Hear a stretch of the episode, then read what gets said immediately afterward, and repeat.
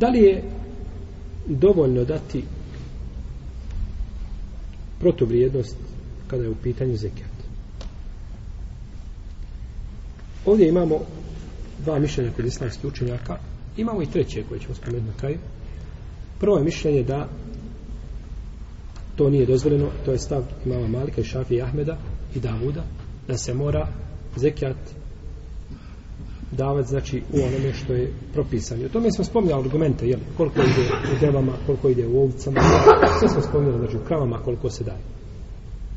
Pa kažu, to je došlo propisano tako šarijetom, dok drugi dio islamski učenjaka među njima Ebu Hanife i Seuri, to je to se može zaključiti da je to više imama Buhari iz njegovog sahiha poglavlja koje nas slovio i predaje koju je e, naveo jeli, od Ibn Omara da je to jeli, njegovo mišljenje i to je jedan rivajat od imama Ahmeda i jedno mišljenje u šafijskoj pravnoj školi da je dozvoljeno dati protuvrijednost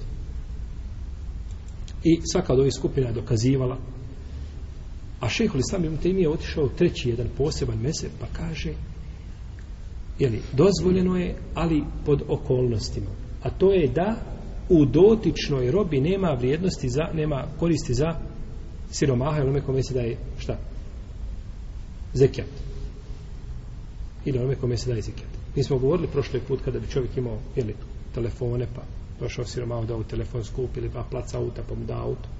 To siromahu ne treba, to meni ima koristi. On će to prodati znači za nešto što ne vrijedi ili za mizernu nekakvu vrijednost i nakon toga opet nije ostalim cilj. Pa se gleda znači vrijednost siromaha po šeku islamu ibnu Tehim. Gleda se znači koristi siromaha.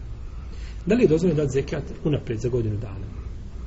znači tebi se napuna, na, tek će se napuniti godina recimo u, ne znam, Šabanu